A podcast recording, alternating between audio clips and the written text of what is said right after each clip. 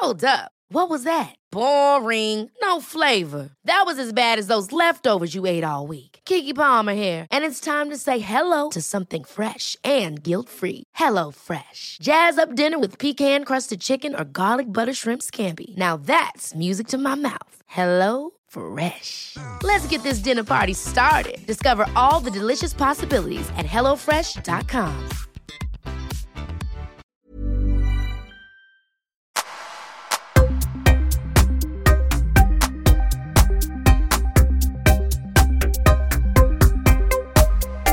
Rasmus Sörberg, välkommen till Öppet sinne. Tack så jättemycket. Väldigt kul att vara här. Ja, alltså du, det är ju oundvikligt att se så här, du är ung, du producerar de här, du är driven och jag måste säga, jag har ju sett bilder på de här. Ja. Men fan, de var mycket mäktigare när jag väl såg dem. Jag tyckte redan de var coola, men Ja. det vart en helt annan femma och Ser se de dem nu på riktigt. Ja, verkligen. Och jag... Fan tack. Det sattes helt plötsligt i ett jävligt coolt sammanhang här känns jag. Ja, ja, jo, jo, varsågod. Det är, eh, jag tänkte att det är kul att komma hit, eh, kanske, ja men tävla ut någon sen, men det är, Ja. Ja. Hur, hur började liksom, alltså så här, först, hur gammal är du? jag är 18 år. 18 år gammal. Du går i gymnasiet nu då antar jag, eller? Yes, går tredje ring, ekonomi, ekonomi. Ja. Oj, ekonomi, ekonomi, vad Ja. innebär det? Eh, ja men det innebär, ja men det är som på namnet, det är mycket ekonomi, ekonomi. Mm. Eh, man lär oss, eh, eller det första vi lär oss är mycket inom juridik. Eh, så vi får lite grundlagar som vi lär oss. Eh, sen utvecklas det till att vi får lära oss bokföra. Eh, men nu i tredje ring så har vi då UF-företag. Där vi får testa på att ha företag. Men jag som startade mitt företag i tvåan vet lite hur det går till. Ja. Men ja, det här är kul det med. Så då uppkom, uppkom det här företaget som ett skolprojekt eller var det någonting som du ändå ville starta? Nej, utan det, allting började med eh, den 12 augusti 2020. Jag satt eh, på min telefon, scrollade TikTok och alltid haft en idé om att jag vill starta ett eget företag och eh, producera någonting eget. Ehm, så jag började scrolla TikTok eh, och då kom om de här glasalbumen uppe. De gav det till sina, till pojkvän och flickvän, de gjorde dem själva. Och så det bara okej, men det är väldigt stort i USA, finns det här i Sverige? För jag ville köpa en egen. Började kolla runt lite i Norden och nej, det var ingen här som gjorde dem. Tänkte, men det, det är en jättestor marknad här. Det är en ny produkt, det är fräscht, eh, det är eh, musikrelaterat, man kan göra det privat också. Så ja, så då så drog jag igång då eh, Glasalbum Sverige, Glasalbum understreck Sverige var det första namnet på vårt Instagramkonto. Där jag började ja, men, lägga upp bilder. Och det var en direkt succé eller vad, vad hände? Nej alltså, det roliga var att jag la upp, eh, det första jag gjorde var att åka in till stan, eh, köpte en eh, vit penna med eh, en glasskiva, jag tryckte ut en bild och bara okej nu ska jag testa att göra den här själv. Eh, satte mig med linjal, penna och började skriva då den här och började rita dem själva. Mm. Eh, det blev ju skitfult. det, var, det var ju personer som skrev till mig bara eh, jättecool idé, jättesnyggt, men de är riktigt fula så jag kommer inte köpa just nu men det kan vara kul att se i framtiden. Mm. Så jag bara okej, eh, det var första problemet jag satte på. Det var ingen som eh, ville köpa men jag visste att det fanns en marknad. Så då så eh, gick det lite tag, träffade min eh, kusin på ett eh, typ födelsedagskalas för släkten. Började prata lite om vad jag brukar göra och jag började berätta om det här och min idé. Och han bara, ja men vad kul, jag har en robot som egentligen är gjord för att fräsa i trä. Men eh, om man bara fäster en penna på den så kan man programmera den så att den ritar på glas. Jag bara, vilket flyt, alltså det var ju riktig tur. Eh, så då så eh, fick jag åka hem till den nästa dag, hämta den, eh, åka hem till mig, lära mig hur hela programmet fungerar och eh, ja, fick göra min första tavla. Men du gör, gör du alla själv fortfarande eller hur? Nej, alltså det, det var i början, att jag Mm. gjorde dem eh, via den här roboten. Som sen utvecklades till att jag kunde köpa mina två egna robotar. Eh, så att jag hade en, min polare hade en. Eh, men eh, det började med, vi började inte med att sälja på direkten. Utan eftersom att jag gjorde dem själv för hand först. Så var ju personer som skrev att de var fula, men att de gärna ville köpa. Um, så då tänkte jag okej, men då måste man ju starta aktiebolag och sådär. Så då tänkte jag okej, men jag börjar med att marknadsföra det här. Så jag börjar eh, med den här eh, maskinen, sätta på en penna och börjar rita upp olika tavlor, skicka till olika influencers, eh, youtubers som Andersson Demina, fick jag med, eh, så fick han paketera upp det på sin youtube-kanal. Eh, i, alltså jätteschysst, det är verkligen tack för det. Eh, sen så var det någon tävling som Ben Mitkus la ut på sin eh, Instagram, där han skrev eh, jag kommer hjälpa UF-företag, det här var inte ett UF utan det här skulle bli ett AB. Jag ville bara marknadsföra mig. Ehm, och la ut och bara, jag kommer hjälpa ett UF-företag att, eh, ja att sprida sig. Och personen bara började tagga glas med Sverige. Bara tagga, tagga, tagga, tagga, tagga. Eh, tills då hans manager hörde av sig till mig. Och bara tja, ehm, du har blivit en av de som blivit utvalda. Vi kommer att, eller vi skulle jättegärna vilja få hem några som vi kan lägga upp på vår YouTube-kanal. Och alltså redan där när jag hade haft, när det gått så snabbt inom bara några månader så hade jag liksom skickat Andersson Domina, eh, ja men då Ben Mitkus och flera andra artister. Så var det så okej, okay, det här kan verkligen, det här kan verkligen bli någonting. Eh, så Ben Mitkus la ut på sin kanal, personer började skriva, ville köpa och jag började märka, okej, okay, jag måste dra igång ett AB nu. Eh, så att jag kan, ja men så jag kan börja sälja till honom på riktigt. Så då så den eh, 12 januari eller något sånt. Eh, så var allting klart, så var det Glasalbum Sverige AB. Mm. Så kunde vi börja sälja och eh, ja, dra igång hela processen på riktigt. Men idag är det inte jag som gör dem längre, utan nu har vi ett helt annat system uppbyggt. Januari alltså 2021 då eller? Ja, exakt. Ja, så det, det här, ni fyller ett år typ väldigt snart då. Ja, exakt. Eh, den här podden spelas då in i, vad är det, det är typ den tionde, nej det är 8 december. december, ja. 8 december. kommer släppas om några veckor, så det kanske är då på ettårsdagen som det här släpps. det, det, vet vi inte. Nej. Men cool, så det, det, företaget är inte ens ett år. N när sa du att du påbörjade projektet? Var det för två år sedan eller typ ett och ett halvt år sedan? Ja, den 12, eh, 12 augusti 2020 Shit. började jag och sen 12 januari eller något sånt där, nå ja. någonstans där. Eh, så var det ett AB. Alltså, när du påbörjade det här, ja. tänkte du någon gång så att det här kommer gå fort? Nej, alltså självaste målet med det här, det var ju bara jag vill dra igång någonting. Ifall jag får turen att sälja så jag kan köpa en egen dator så kommer jag bli jättenöjd. Mm. Och den där datorn fick jag in liksom första veckan. För jag hade lagrat så många beställningar för de ville ju köpa. Så då var det så här, oj, det blev en snabb dator. Ja. det kom in rätt snabbt. Uh, men ja, det går du märker, det är riktigt så här, um, um, alltså present, uh, uh, en riktig present som man köper. Alltså det är, det är mycket kopplat till alltså julen, mors dag, födelsedagar, studenten. Det är då som man ser att beställningarna stiger. Mm.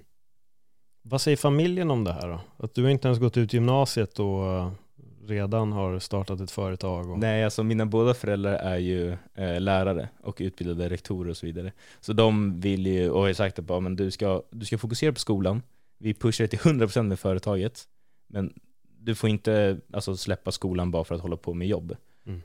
Um, för jag började också jobba, eller jobba och jobba, jag började, alltså jag lärde mig rätt tidigt. Alltså mina föräldrar var inte så att eh, ja, men du får allt det du vill ha, så klart så slipper vi höra dig tjata. Liksom. Utan det var, vill du ha någonting, då får du jobba för det.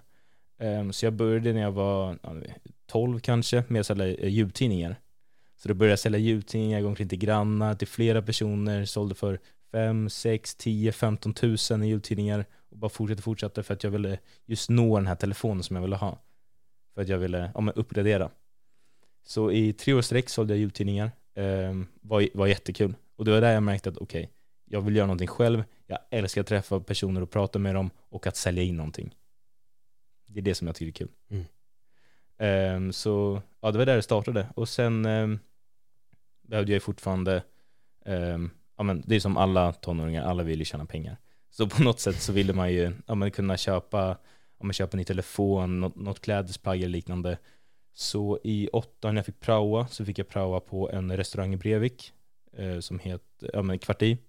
Fick jag eh, börja praoa där i två veckor. Tyckte det var superkul. För där fick man också som servitör träffa massa olika människor och prata med dem. Och samma sak där, berätta om vinerna, berätta om maten. Trots att jag var under 18 skulle jag sälja in ett vin. så det var ju lite, det var ju lite svårt, men det var, eh, ja, man hade hört om vinet, så då så mm. fick man försöka sälja in det på det sättet. Um, och där fortsatte jag sen eh, jobba, fick prata med massa olika ja, med människor och utvecklades i det sociala jättemycket. Eh, och tyckte det var, ja, men tyckte det var svinkul. Mm. Så ja, det, jag har alltid haft det här att vill jag ha, eller ska jag ha någonting, så ska jag jobba för det. Och det är där någonstans som det har ja, grundat sig med jultidningar, med eh, det här restaurangjobbet, sen med glasalbum. Fan jävla resa alltså. Det, är, alltså. det är väldigt intressant att höra och just också för att du är väldigt ung liksom. Eh, du börjar ju säkert känna dig gammal nu för du är snart klar med gymnasiet och hela den där ja. biten. Men jag som är liksom lite mer än dubbelt så gammal som dig så blir jag så här, för det, för det är kul att höra just att dina föräldrar också uppmuntrar dig på det sättet på något vänster, att vill du ha någonting så måste du jobba för det. Så att det sitter lite så här inpräntat i det att ingenting kommer gratis, vilket är bra. Jag tror att ganska många idag har inte den känslan, utan det är mer man tjatar ganska mycket och så får man grejer till Ja, exakt. Ja, men så här kommer den här kampen ändå att, att liksom kämpa och tycka att det är roligt att arbeta. Mm. Men vad är det mer grejer som de har sagt som har uppmuntrat i den här riktningen, eller var det just det? Nej, alltså de har ju sagt väldigt mycket, alltså de har stått bakom allt som jag velat testa göra. Alltså jag har haft så många olika idéer som jag velat försöka. Um, det började med, vad var det med juicen alltså, som jag ville börja med, eller om det var ginger shots eller alltså någonting. Um, men när, då, när jag väl nämnde glasalbumet så sa de det, de bara okej, okay. och det var mitt under sommarlovet. Så jag hade hur mycket tid som helst. Så de bara, men kör, testa. Vad är det värsta som kan hända? Alltså mm. jag bor hemma, jag har, inga, alltså jag har inte räkningar att betala. Det är, så här, det är mitt mobilabonnemang, men det, det, det fick jag in på CSN. Mm. Um, så, um, nej men så de har ju pushat mig till 100% och alla vänner omkring, men det, det roliga var till en början, Eh, det kan jag såklart förstå när jag berättade för polarna, de bara, ja alltså det, det är riktigt kul, men när jag visade första gången det här kontot, då hade jag kanske 100-200 följare. De bara, mm, okej, okay, fett. Alltså det var inte så mycket mer med det. Eh, men nu så, eh, när de såg att det började byggas upp, vi fick kunder, eh, många stora rappare och artister som de lyssnat på hade jag träffat och jobbat med. Då blev det liksom lite mer, lite mer respekt. det, ja men de fick se det utvecklas. Så det, eh, det var väldigt kul och eh, eh, mina föräldrar och eh, nära vänner har ju 100% pushat mig och eh, ja, men, velat se mig lyckas och se vad, vad det här kan leda till. Är det någon som har kommit med det här, nej men det där kommer inte funka?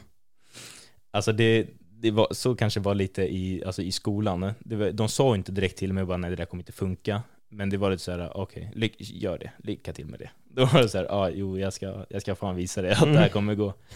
um, nej men annars så, annars har det varit väldigt mycket alltså, hjälp och eh, ja, men, tränare, vänner som har velat Eh, och föräldrar som har försökt kontakta alla personer de kan som har då koll inom företagande för att kunna hjälpa mig och om jag sätta en grund. För som sagt, jag eh, hade precis gått ut ettan när jag började.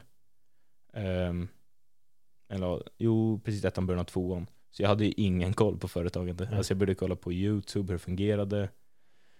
Um, Ja, nej det var, nej, det var sjukt, det kul. Och, och, hur har den resan varit? För, för det här är verkligen någonting jag tänkte på. Alltså bara att starta ett företag i sig är ju svårt. Ja. Jag menar, till och med jag har fått idéer, men sen tanken om att starta ett företag och vara såhär, okej okay, jag vet inte ens var jag ska börja, så jag jag skiter i den här idén. Jag har lätt för att vara kreativ, men att starta ett företag, det är en annan femma liksom.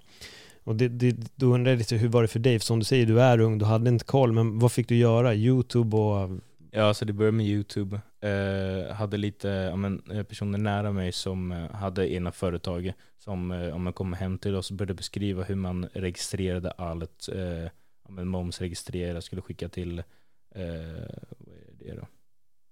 Ja, där Sk man, Skatteverket. Ja. Skatteverket. Eh, men det var eh, verksam.se, mm. hur man satte upp ett företag där. För sen blir det kopplat till Skatteverket och sådär med momsregistrering och, och så. Nej men så de eh, kom hem till oss, eh, satte sig ner, eh, kollade på produkten, tyckte det var riktigt kul men då var jag fortfarande gjord med en penna. Så de sa det, de bara det är en riktigt eh, fet produkt, kanske lite dålig kvalitet men den är jävligt fet. Ehm, ja och sen eh, ja, men fick jag hjälp av dem, lärde mig hur det fungerade på verksamt, lärde mig också att saker tar tid. Det är, det är bland det första jag lärde mig, är att ehm, det är som du säger, man är det här kreativa, man vill så gärna, gärna se det utvecklas och bli stort. Mm. Men det tar så mycket tid. Och, man är, och jag är rätt otålig, så mm. man gjorde allting för att se det byggas alltså upp så snabbt som möjligt, alla olika kontakter man kunde dra i. Um, ja, jag bara, uh, ja. Hur ser prognosen ut för nästa år då? Vad är, vad är, planen för nästa år med företaget? För nu har ni gjort ert första och jag antar att det ändå är en framgång så som det verkar. Ja, exakt. Eh, det är, det är en start i alla fall. Mm. Ehm, och eh, vi har börjat se hur det börjar komma flera eh, konkurrenter. Det kom upp något UF-företag också, men det var inget som ja, påverkade oss jättemycket. Det lades ju ner sen för UF-företaget läggs ju ner, mm. tror jag. Jag har inte jättestor koll på det. här i Sverige i alla fall. Sen i Finland, Norge, Danmark, inte jättestor koll, på heller. Jag vet att det finns något i Tyskland, mycket USA med, eh, på Etsy. Men eh, målet är nu, vi, vi, i somras så, eh, eller jag träffade en artist i höst ungefär. Eh, där vi började prata lite, tyckte det var en jättesnygg eh, produkt. Och han sa, ja ah, det är en eh, väldigt snygg produkt, um, hade varit coolt ifall han hittade på någonting med Plax of Sweden. Och Plax of Sweden de, är de som gör de här stora plaxen när um, ja, men artister når 8 miljoner streams och sådär och de får eh, guld, ja, eh, silverguld eller ja, diamantplatina och sådär. Mm. Um, så då tänkte jag, ja men det, det kan vara fett ifall jag kontaktar dem. Så då testade jag ringa eh, George, of Sweden, eh, berätta om min idé eh, och han svarade eh, låter svinkul, vi tar ett möte. Jag bara okej, okay. vi tar ett möte. Eh, han bara kom ner till Norrköping så ta med produkter så kan vi kolla. Eh, och redan där var liksom, det var ju liksom första riktiga mötet jag gick på. Eh, så man var ju då, ja men så rådde hela familjen till Norrköping. eh, eh, ja, men, eh, bodde på ett hotell eh, kvällen innan och sen så morgonen efter så eh, gick jag upp, pappa skjutsade dit mig och eh, ja, satt då på möte med George på Plaxo Sweden. Eh, där han då sa att, eh, som alla andra hade sagt, att det är en jävligt fet produkt. Vi skulle jättegärna vilja göra med dig, men kvaliteten är lite dålig. Så jag bara, ja, jag håller med om det. Det är en penna som gör det, det är en bild som är påklistrad bakom, den kanske inte är den bästa kvaliteten. Eh, men nu så har ju det här utvecklats så brutalt mycket. Vi, eh, han introducerade mig till en kille som heter eh, Joel, som vi idag jobbar med, som har en stor UV-printer. Så det är där alla, alla glasalbum görs. Det är en, eh, man skickar in glas, eh, det är färg som släpps ner. Ehm, vi har en video på vår TikTok på den här UV-printern och visar lite eh, hur vi gör den.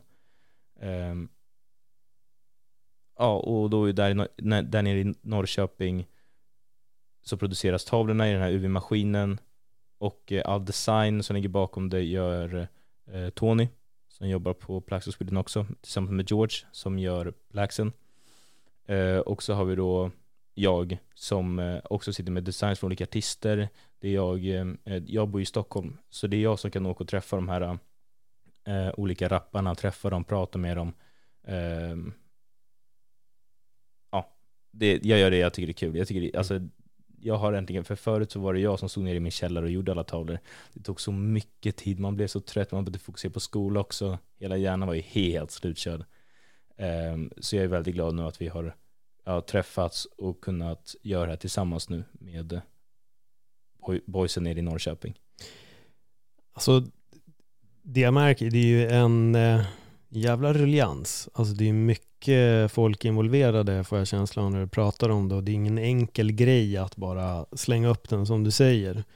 Och liksom, i din tanke när du väl påbörjade processen, liksom, hade du de tankarna då att det här kommer att kanske bli för svårt eller att det kommer leda till att jag behöver mer folk involverade eller körde du bara? Alltså jag, jag hade lite känsla på att jag skulle behöva flera folk involverade. Då när jag körde själv och hade beställningar märkte jag okay, det här blir lite mycket för mig.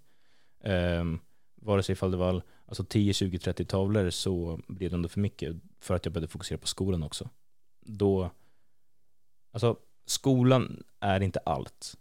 Men det är en sån, sån öppning och en sån väg inför arbetslivet senare i livet. Desto större utbildning du har med högre betyg, desto mer val har du att välja. Du kan såklart plugga upp, men jag har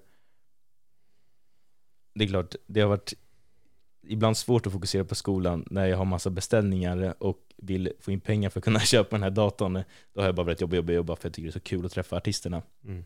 eh, och alla olika influencers. Eh, men det jag alltid hade i bakhuvudet var, okej, okay, det här är jättekul. Men jag hade också en, alltså en tanke att ifall det här inte blir jättestort eh, och jag struntar i skolan, eh, då kommer inte jag någonting kvar. Ifall företaget dör ut och ifall inte jag har några betyg, då blir det väldigt svårt. Um, Nej, så då blev det att jag fokuserade både på jobb och skola samt som man skulle träna, träffa polare, ja så blev det rätt mycket. Men nu har jag väldigt mycket mer tid över till att kunna till att kunna jobba, fokusera på skolan, vara, med, eh, eh, vara oftare med kompisar nu när allt sker nere i Norrköping och det görs med sån större och bättre kvalitet.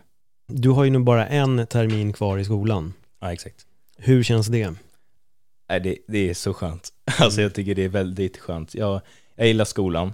Eh, jag gillar att eh, träffa polare, vara med polarna varje dag. När vi hade distans i ett och ett halvt år, alltså man mådde så sjukt dåligt. Alltså jag och polarna, alltså det var så tråkigt att sitta hemma. Det enda man gjorde var att alltså man satt hemma och spelade.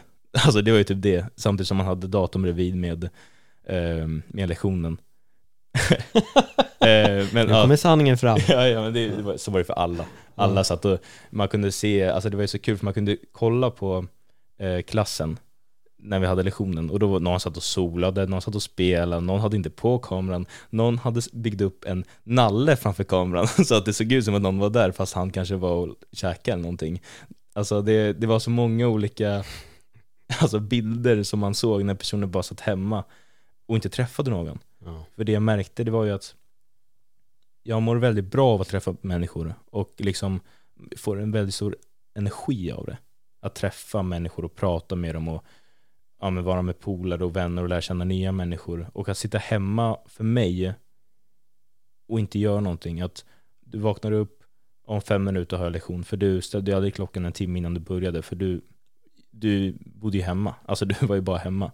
Eh, så du gick upp, hade lektionen, gick upp, käkade lunch, gick ner igen i källaren där jag har mitt rum. Eh, och eh, ja, fortsatte ha lektion. Mm. Så det, det, var, det var väldigt, väldigt tråkigt. Så det är jättekul att vara tillbaka nu Um, synd att vi inte fick så mycket tid i skolan um, under gymnasietiden.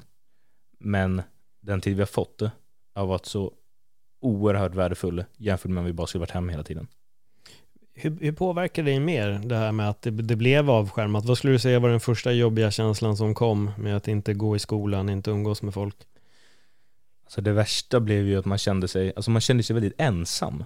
Alltså att bara sitta hemma, absolut familjen, brorsan var ju hemma en viss del, eh, pappa började jobba hemma. Ehm, och absolut, det, man hade personer fortfarande omkring sig. Men man blev ju så oerhört ensam av att bara sitta framför sin dator och sitta och lyssna. Alltså det spelar ingen roll ifall man blir inskickad i olika grupper för att sitta och prata. Det blev ändå att man, alltså man ser det bara in i en dator. Det är så, man lär sig så mycket av att träffa människor, alltså på riktigt. Det är därför som när personer ja, ringer och pratar och sådär, jag tycker inte jätte, jag tycker inte jättekul att prata i telefon. Just för att jag tycker det blir så opersonligt. Alltså det, det, blir så svårt när man ska prata, man avbryter den andra. Men när man väl träffas så blir det, så blir det på riktigt. Mm. Ja, genuina möten. Ja, exakt. Som det här. Ja, exakt. ja, och det är lite varför jag också inte föredrar att göra grejer online. Alltså podd, poddavsnitt, det finns undantag, absolut. Ja. Men jag tycker att just mötet är, är väldigt, väldigt viktigt. Ja. För, det, för, för, det som slår mig nu är att jag har, jag har ju pratat om det här med fler, corona, men jag har aldrig pratat med det med någon som går i skolan. Nej. Så jag har aldrig hört liksom, era tankar om hur ni har tänkt och, och vad var din liksom, känsla när det här med pandemin började komma?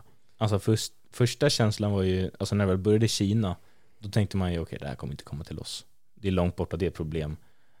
Sen började det komma till de här olika eh, alltså Val d'Isère och de här olika skidorterna för att alla var ju på eh, sportlov då. Eh, sen när det kom till skolan och det, man hörde okej, okay, en första polare har fått corona och låg hem och man tänkte att det är bara ett vanligt virus. Man tänkte inte så mycket mer på det. Mm. men sen att bara se det utvecklas och jag kommer ihåg att vi satt och hade mattelektion och så hör man i högtalarna, eh, högtalarna hämta era böcker och åk hem. Vi kommer införa distans nu och hämta allting för ni kommer troligen inte komma tillbaka på ett bra tag.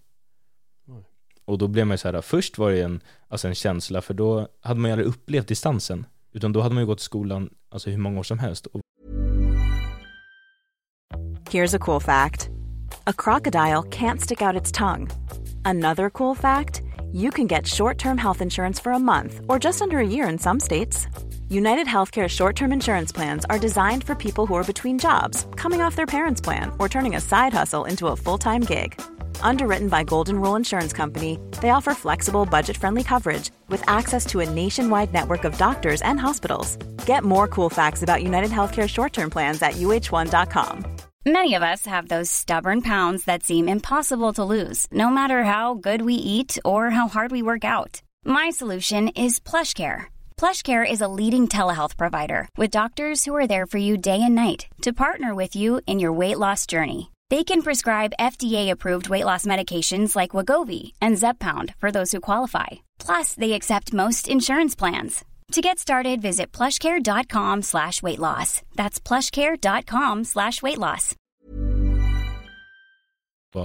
Shit vad skönt. Komma hem nu framför datorn och sitta och softa i sängen samtidigt som man har lektion. Vilken dröm. Var ju många som tänkte. Men efter, alltså rätt, rätt tidigt så märkte man ju att nej, det här var så brutalt tråkigt. Ingen energi alls, ingen motivation till att plugga för att för att man hade inte personer runt omkring sig som var motiverade.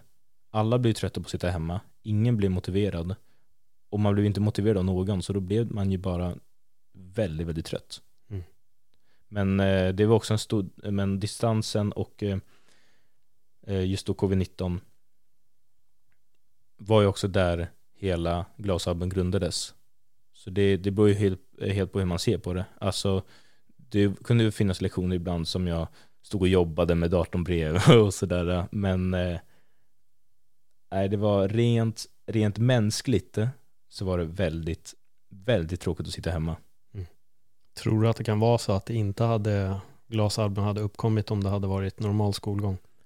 Alltså jag kan, jag kan nästan tro det. För då hade man ju börjat för då var det på distans när allting började, så då kunde man lägga väldigt mycket tid på det. Alltså samtidigt som jag hade lektion kunde man sitta med telefonen, skriva med kunder, lägga upp lite bilder, sitta och fixa och lite, tänka. Man var inte inne i lektionen, utan man, var, man satt ju hemma. Um, så ja, men det, det, tror jag nog. Att uh, hade, hade, det inte, hade vi inte haft den här distansen så hade den tagit mycket längre tid än vad det verkligen gjorde. Det ledde ju också, alltså det, distansen och hela den här pandemin hjälpte ju också mig på det viset att exempel Ben Mitkus som la ut att nu kommer jag hjälpa UF-företag under pandemin, då är det många som inte kan synas på och sådär just för att det blir inställt. Så redan där var det en, alltså en biljett in, på, alltså synas, just för att han ville hjälpa företag. Mm. Hur var känslan när du väl fick kliva in i klassrummet igen? Alltså det var en sån, Eh, det var en sån speciell känsla, man hade inte sett sina, alltså, eh, ja, alla klasskompisar tillsammans på ja, men ett, ett och ett halvt år. Det är alltså, vi träffades ju aldrig som klass någonstans och sågs, utan det var ju, man skulle hålla distans, man träffade någon nära vän som man, om man, ja, som man träffade någon nära polo, aldrig hela klassen. Eh, så att kliva in där mellan det, alltså det, det känns som att man kom in i en ny klass, alltså det var, det var helt stört. Eh, men det var, det var också väldigt skönt, för då kände man okej, okay, nu är vi tillbaka. Vi började inte på direkt med att komma tillbaka helt, utan det började med att vi hade en vecka i skolan och två veckor distans. En vecka i skolan och två veckor distans. Och så fortsatte det så tills det blev varannan vecka um, som sen gick över till att gå i skolan igen på riktigt. Hur är oron nu då när restriktionerna börjar stiga upp igen? Alltså nu när de börjar prata om att eh, eh, ja, med alla de här vaccinpassen, eh, det, det är så då jättebra. Mm. Eh, och att man ska börja jobba hem och sådär. Men jag, alltså det är klart, jag förstår ju och eh, beklagar oerhört mycket för alla som har förlorat eller känner någon som har, ja, men som man har förlorat i covid-19. Mm. Um, men jag hoppas verkligen inte att de, jag hoppas verkligen inte att de stänger ner skolan igen, för det är man, det är väldigt svårt att fokusera hemma. Och som sagt, det här är ändå sista, det är sista året för, för en i, inte alltså grundskolan, men alltså gymnasiet och sådär. Eh, sen kommer jag plugga vidare. Men det, nej, det hade varit väldigt tråkigt och eh, om det skulle införas igen. Vad är det du vill plugga vidare till? Jag har ingen aning. Nej, men, ingen men, aning. men är planen att göra det direkt eller kommer du kanske ta ett år? Och Nej, jag kommer, jag kommer ta en paus. Ja. Jag är, eh, nej, jag, jag vill eh, fokusera på alltså jobb. Alltså, som sagt, jag tycker det är väldigt kul att jobba. Mm. Eh, för då ser jag också alltså, direkta belöningar på det. I skolan får du betyg, men då blir det också, det är också betyg som du blir alltså blir betygsatt för vad du gör i skolan så kan det också vara för, på ett jobb också. Men ifall du tycker det är kul, alltså det är svårt att tycka om alla ämnen i skolan. Ifall man gör ett ämne som man tycker är kul och ser att det får du A i, då blir du väldigt taggad på att fortsätta med det. Men ifall du har någonting annat och får F i det, då blir du inte jättesugen på att fortsätta. Alltså det, det, är ju- det är ju så det är. Mm. Men, i sko- eh, men med jobb så är det lite annorlunda. Ena månaden får du inte en högre lön och andra månaden får du en lägre lön. Beroende på såklart vad du jobbar med. Men Mm. gen, i genomsnitt så har du liksom en fast lön. Och då har du liksom ett och samma betyg genom alla månader. Ja, det var ett intressant sätt att, att se på saken. Jag gick för övrigt ut med skitbetyg i typ allt. Kanske därför jag var så jävla omotiverad i plugget också. Förklara. Men, ja, men vad intressant, men är det några fler liksom, järn i elden som du sitter på? För du känns ju också lite som en idéspruta. Vad, vad är det mer för idéer som har poppat upp där? Som är så här, för det här skulle jag vilja göra, det här och det här. Nej men eh, eh, min pappa gjorde ju lumpen. Mm. Så det tror jag att jag skulle vilja eh, försöka på att testa. Ehm, men sen eh, så är det jobb, kanske åka och säsonga. Jag har jobbat tre år i restaurang här i Sverige, eh, Eh, alltså till och från under helgen och sådär. Eh, så det var kul att testa att jobba utomlands.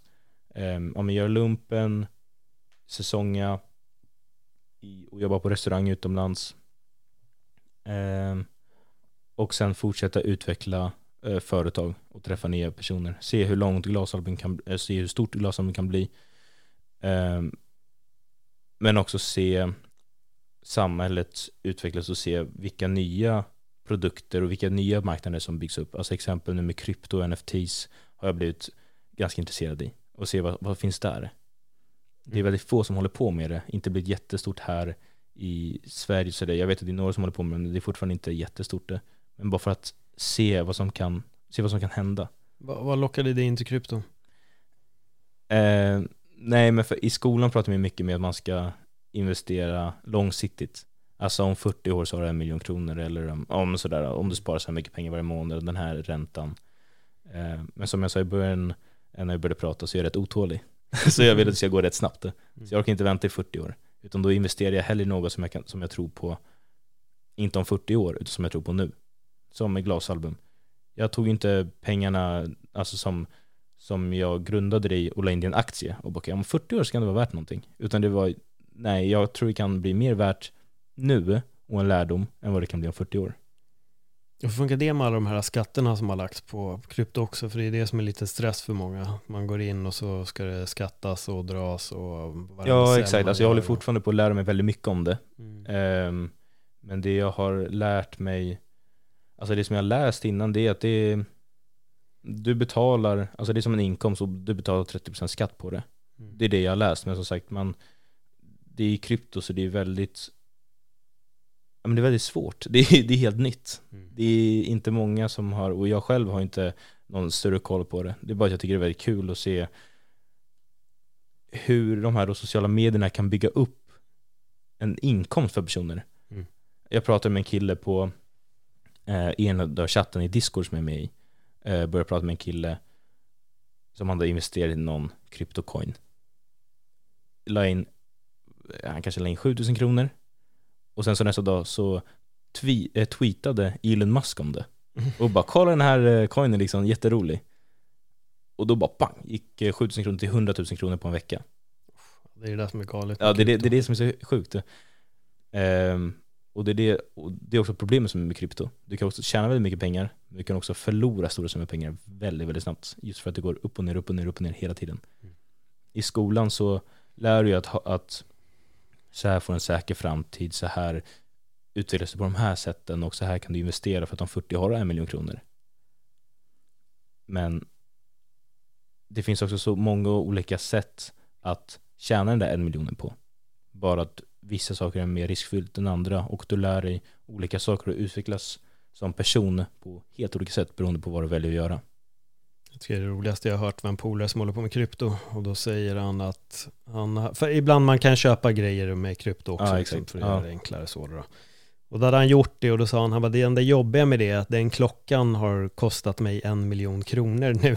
Så han, han vill inte köpa grejer mer med kryptopengar för det blir så jobbigt och sen när det växer så då är det bättre att göra att man säljer och får in dem. Men jag tyckte det var rätt roligt, eftersom att du sa mycket om en miljon så tänkte jag på den här klockan som inte kostar en miljon, men helt plötsligt så var kvittot ändå en miljon. Ja, men det var ju så som när bitcoin kom ut. Mm. Då var det så att eh, det var ju, alltså bitcoin gick inte för alltså, jättemycket alls. Man köpte det, jag kunde köpa någon pizza för bitcoin och sådär. Och då läste man om en Exakt. kille som köpte en pizza för 20 bitcoin. Mm. Nu är det en jävligt rik pizzeria, alltså det var en dyr pizza de sålde in där. Ja. Och han kan ju bli, kan ju tänka på att det var en, måste ha varit en väldigt god pizza han köpte. Ja, man får hoppas det i alla fall. så det blir en halv pizza och slängde andra Nej, halvan. Men vilka inspirerar dig när du eh, gör allt sånt här? Får du inspiration från andra entreprenörer eller hur funkar det? Oj. Eh,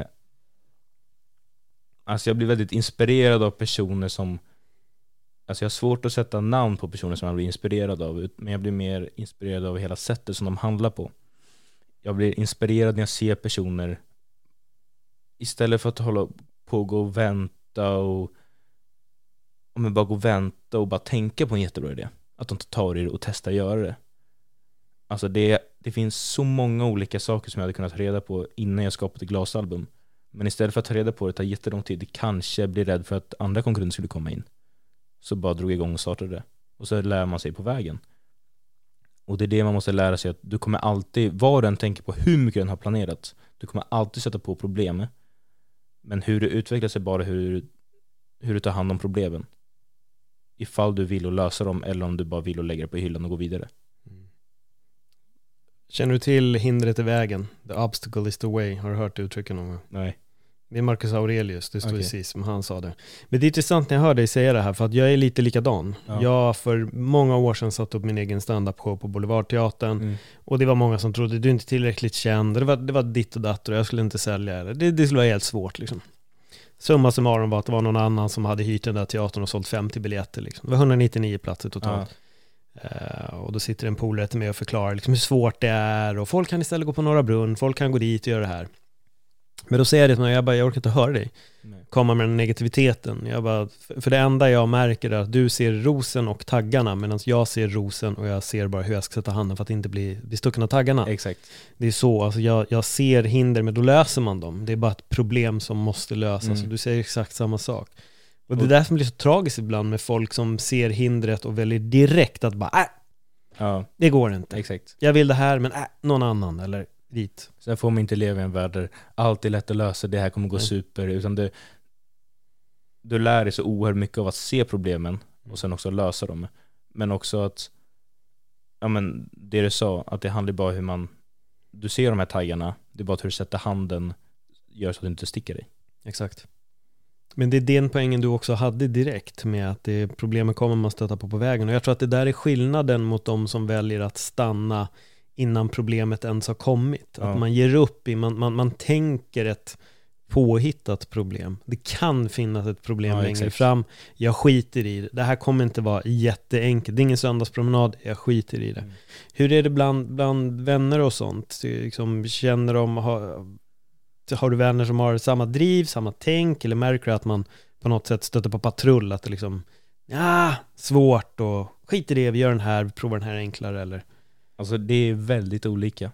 Vissa är ju, fan vad kul, eh, grattis, ska bli jättekul att se dig utvecklas. Andra säger bara problemen och bara när jag lägger upp någon bild eller samarbete så bara har du tänkt på det här, har du tänkt på det här, så där skulle du inte gjort, så där får du inte göra, göra, göra, göra och bara droppa problem, problem, problem, problem. Och det är så, men nej alltså jag, jag vet att det finns problem, jag vet att det kommer finnas problem. Men då får jag lösa det bara. Så enkelt är det. Hur, hur långt tror Elon Musk hade kommit om han hade lyssnat på alla som sa att det inte gick? Ja nej alltså det, det, det, det, det, det är det jag menar, alltså ingenstans. Det Nej. kommer alltid finnas eh, nej-sägare. Och de behövs också. Mm. För du kan, som jag sa, alltså, du, du kan inte bara tro att allt kommer gå super gå jättelätt. Men ja, det handlar ju bara om hur man tar hand om det.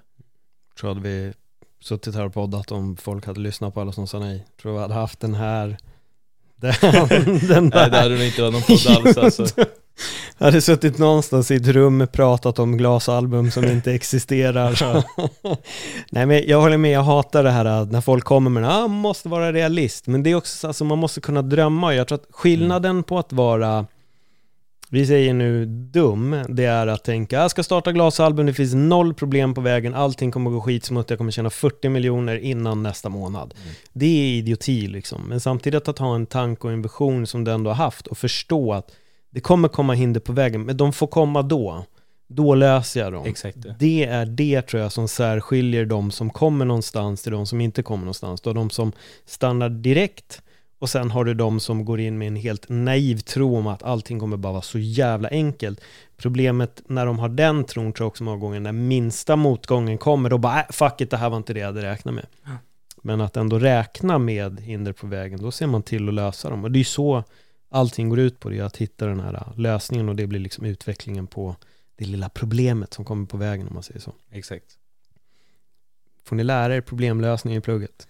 Alltså vi lär ju oss eh, problemlösningar, eh, men inte den här sortens problemlösningar. Nej. Och det är det, alltså skolan är ju väldigt bra.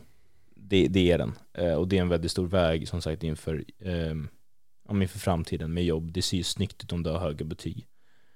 Men det jag tycker, för jag, det började rätt tidigt, alltså jag blev väldigt stressad över mina betyg. För jag tänkte okej, det är helt kört. Det är, alltså, för skolan, tycker de bygger upp betygen alldeles för mycket. Trots att de säger ja men det är lugnt, betygen är inte allt. Då får man ju ändå så här, då är ändå, ändå den här känslan i skolan när jag kliver in, okej nu måste jag leverera. Nu måste det finnas höga betyg så att jag sen kan gå vidare och ha en ljus framtid. Mm. Och det, och, och det är det jag bara, som jag tycker att allt fler personer måste förstå är att betygen är inte allt, men det är ett hjälpmedel bara för att kunna ha ett st- större urval sen. Jag håller med dig där. Jag, som sagt, jag tillhör kategorin som gick ut med helt kassabetyg och det, och det hade kunnat gått åt två håll där. Eh, jag ville plugga teater, mina betyg tillät inte mig att plugga teater så att jag fick gå bygg istället. Bygg var inte min grej så att det slutade med att jag hoppade av. Jag fullföljde aldrig gymnasiet. Ehm, men jag tror att faran där, och det har jag märkt på en del, att de blir präglade och identifierade med sina betyg. Eh, Mina betyg var skit och det satt i mig väldigt, väldigt länge. Ja. Men jag håller med dig, det är en, betygen kan öppna dörrar liksom. Men jag tror inte heller att man, man får inte ge upp hoppet bara för att man behöver inte ha A, vad är det ni har A? Nej, ni har MVG va? Det är inte A. Nej, vi har eh, F, F, ni har, ni har det, okej. FTA, eller E ETA. Och A är det bästa, Exakt. extra. Och E är det i, godkänt. Ja. Så det, livet går inte under och jag tror att har man ändå kreativa idéer så det går alltid att gå runt den där Ja, exakt. liksom, runt grejen ändå, men man kanske stöter på lite mer problem på vägen. Det kan ju vara, det kan ju vara så. Men vad, du har ju egentligen berättat allting som du vill göra här under den, den kommande tiden, men, men hur ser det ut för glasalbum? Vad är, har du någon framtidsvision med, med just dem? Eh, ja du, alltså det, det, det är väldigt svårt det. Mm. Och eh, se vad man, ja, men vad man har och hur det kan utvecklas. Men alltså allt har gått så jäkla snabbt. Ja, Alltså det, det är bara under det här året och det är, vi ändå syts och sänds, eller har setts på väldigt många olika ställen. Um, ja, men med, ja, med främst rappare som vi jobbar med.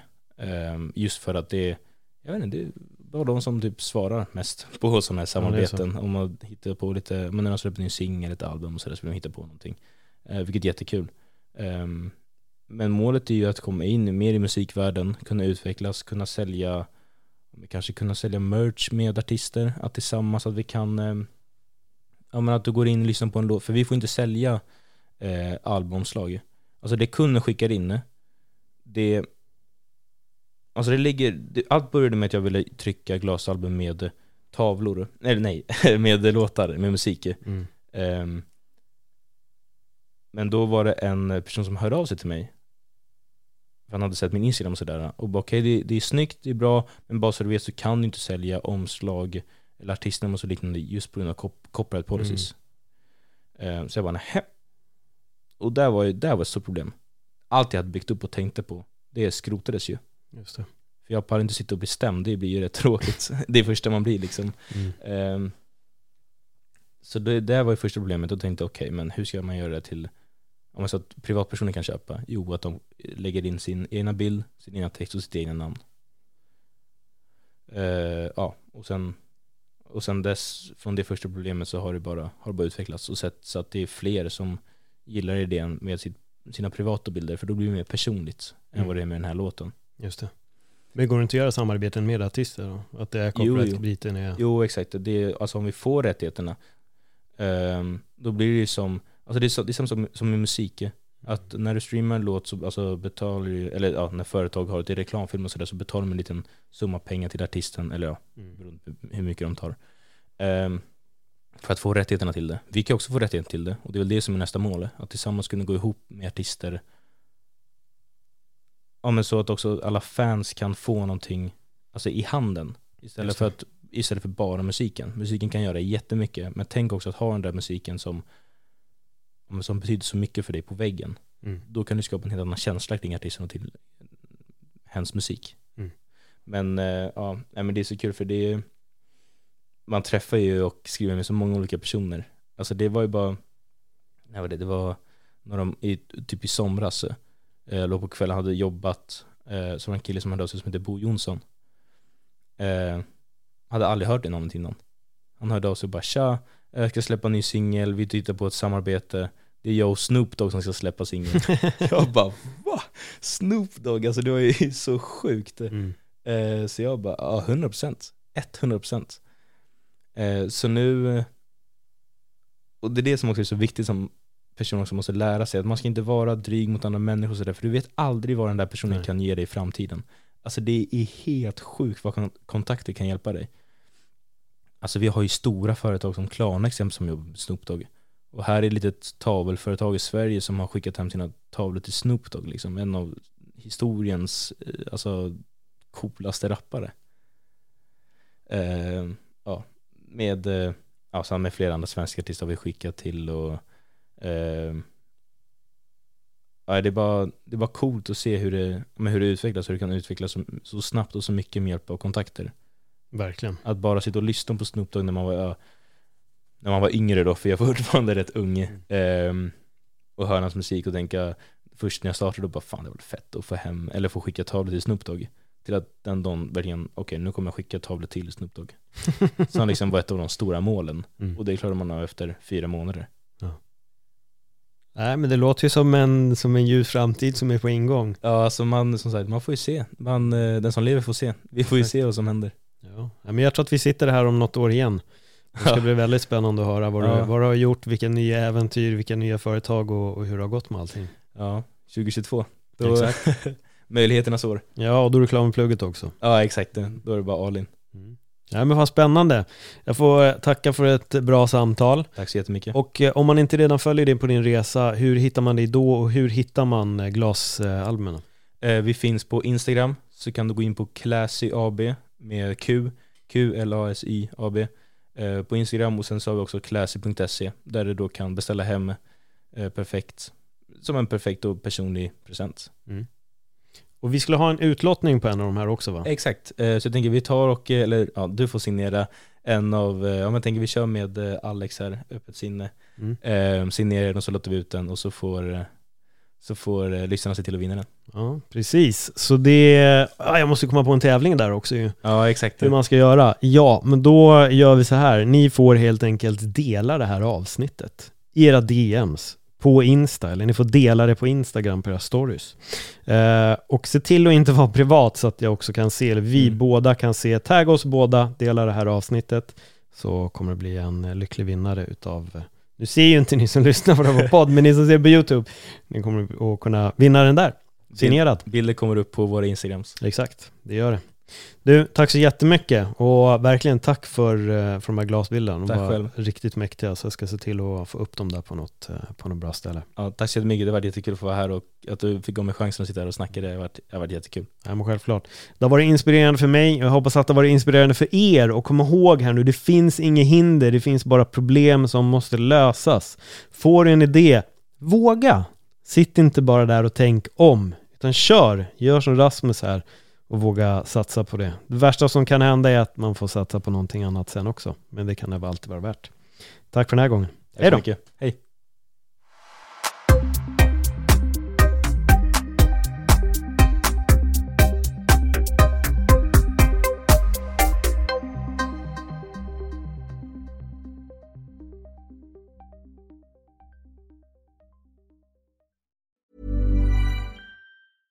Ever catch yourself eating the same flavorless dinner three days in a row? Dreaming of something better? Well, HelloFresh is your guilt-free dream come true, baby. It's me, Gigi Palmer. Let's wake up those taste buds with hot, juicy pecan-crusted chicken or garlic butter shrimp scampi. Mm. Hello Fresh. Stop dreaming of all the delicious possibilities and dig in at HelloFresh.com. Let's get this dinner party started.